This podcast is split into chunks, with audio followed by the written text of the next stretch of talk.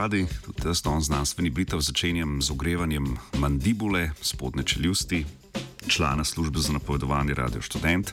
Bazalni gangliji, bazalni gangliji je prva besedna zveza, current biology je druga, BMI, ena kratica, ne, in farmakološkem. Farmakološkem lahko je, če če če če čiv, danes bo šlo po moje kar lepo, dokler se na kakšnem prezapletenem stavku ne spotaknem in zvrnem čez. Začnemo pa down under. Takole. Avstralski zebrasti ščinkavci so ptice pevke, ki se svojih tipičnih napevov naučijo v kritičnem obdobju v mladosti. Za učenje petja so ključna omrežja možganske skorje in bazalnih ganglijev, ki nadzorujejo kompleksne motorične vzorce. V raziskavi, nedavno objavljeni v reviji Current Biology, so raziskovalci in raziskovalke pokazali, da spreminjanje živčne aktivnosti v delu teh omrežij pri odraslih ščinkavcih spremeni strukturo napeva in povzroči jecljanju podoben pojav.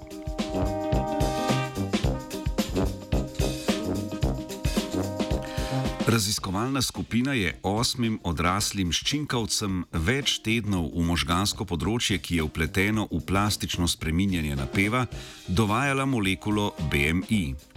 Za omenjeno področje je značilno proženje živčnih signalov v izbruhih. V kritičnem obdobju mladosti, ko se ščinkavci pesmi šele učijo, je frekvenca izbruhov večja, kar je povezano z večjo plastičnostjo možganskih predelov za petje. Ob dodatku BMI se je tudi pri odraslih pticah število izbruhov povečalo.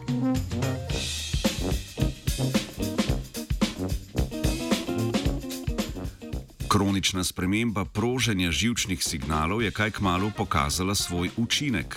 Po nekaj dneh so se pojavile spremembe v zvočni strukturi, trajanju in zaporedju sicer stereotipnih pesmi. Med značilnimi zvočnimi zlogi ali motivi se je povečala variabilnost, pojavili so se strukturno prej neslišni motivi, spremenila pa so se tudi njihova tipična zaporedja.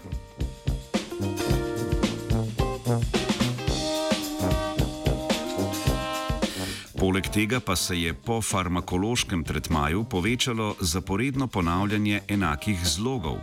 Raziskovalke in raziskovalci so pojav primerjali s človeškim jecljanjem. Klasični simptom jecljanja pri ljudeh so tudi nenamerni premori med govorom. Tudi pri pticah so se med tretmajem povečali tihi intervali med posameznimi motivi. Ščinkavci bi tako lahko služili kot pomemben modelni organizem pri zdravljenju človeške jecljavosti. Bye.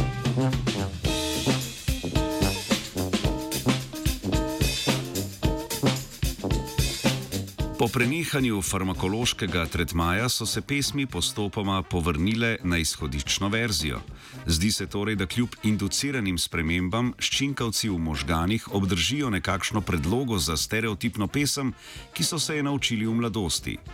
Če je takšna predloga za določeno motorično dejavnost obstaja tudi pri ljudeh, bi to pomenilo novo upanje za ponastavljanje motoričnih vzorcev pri različnih nevroloških boleznih.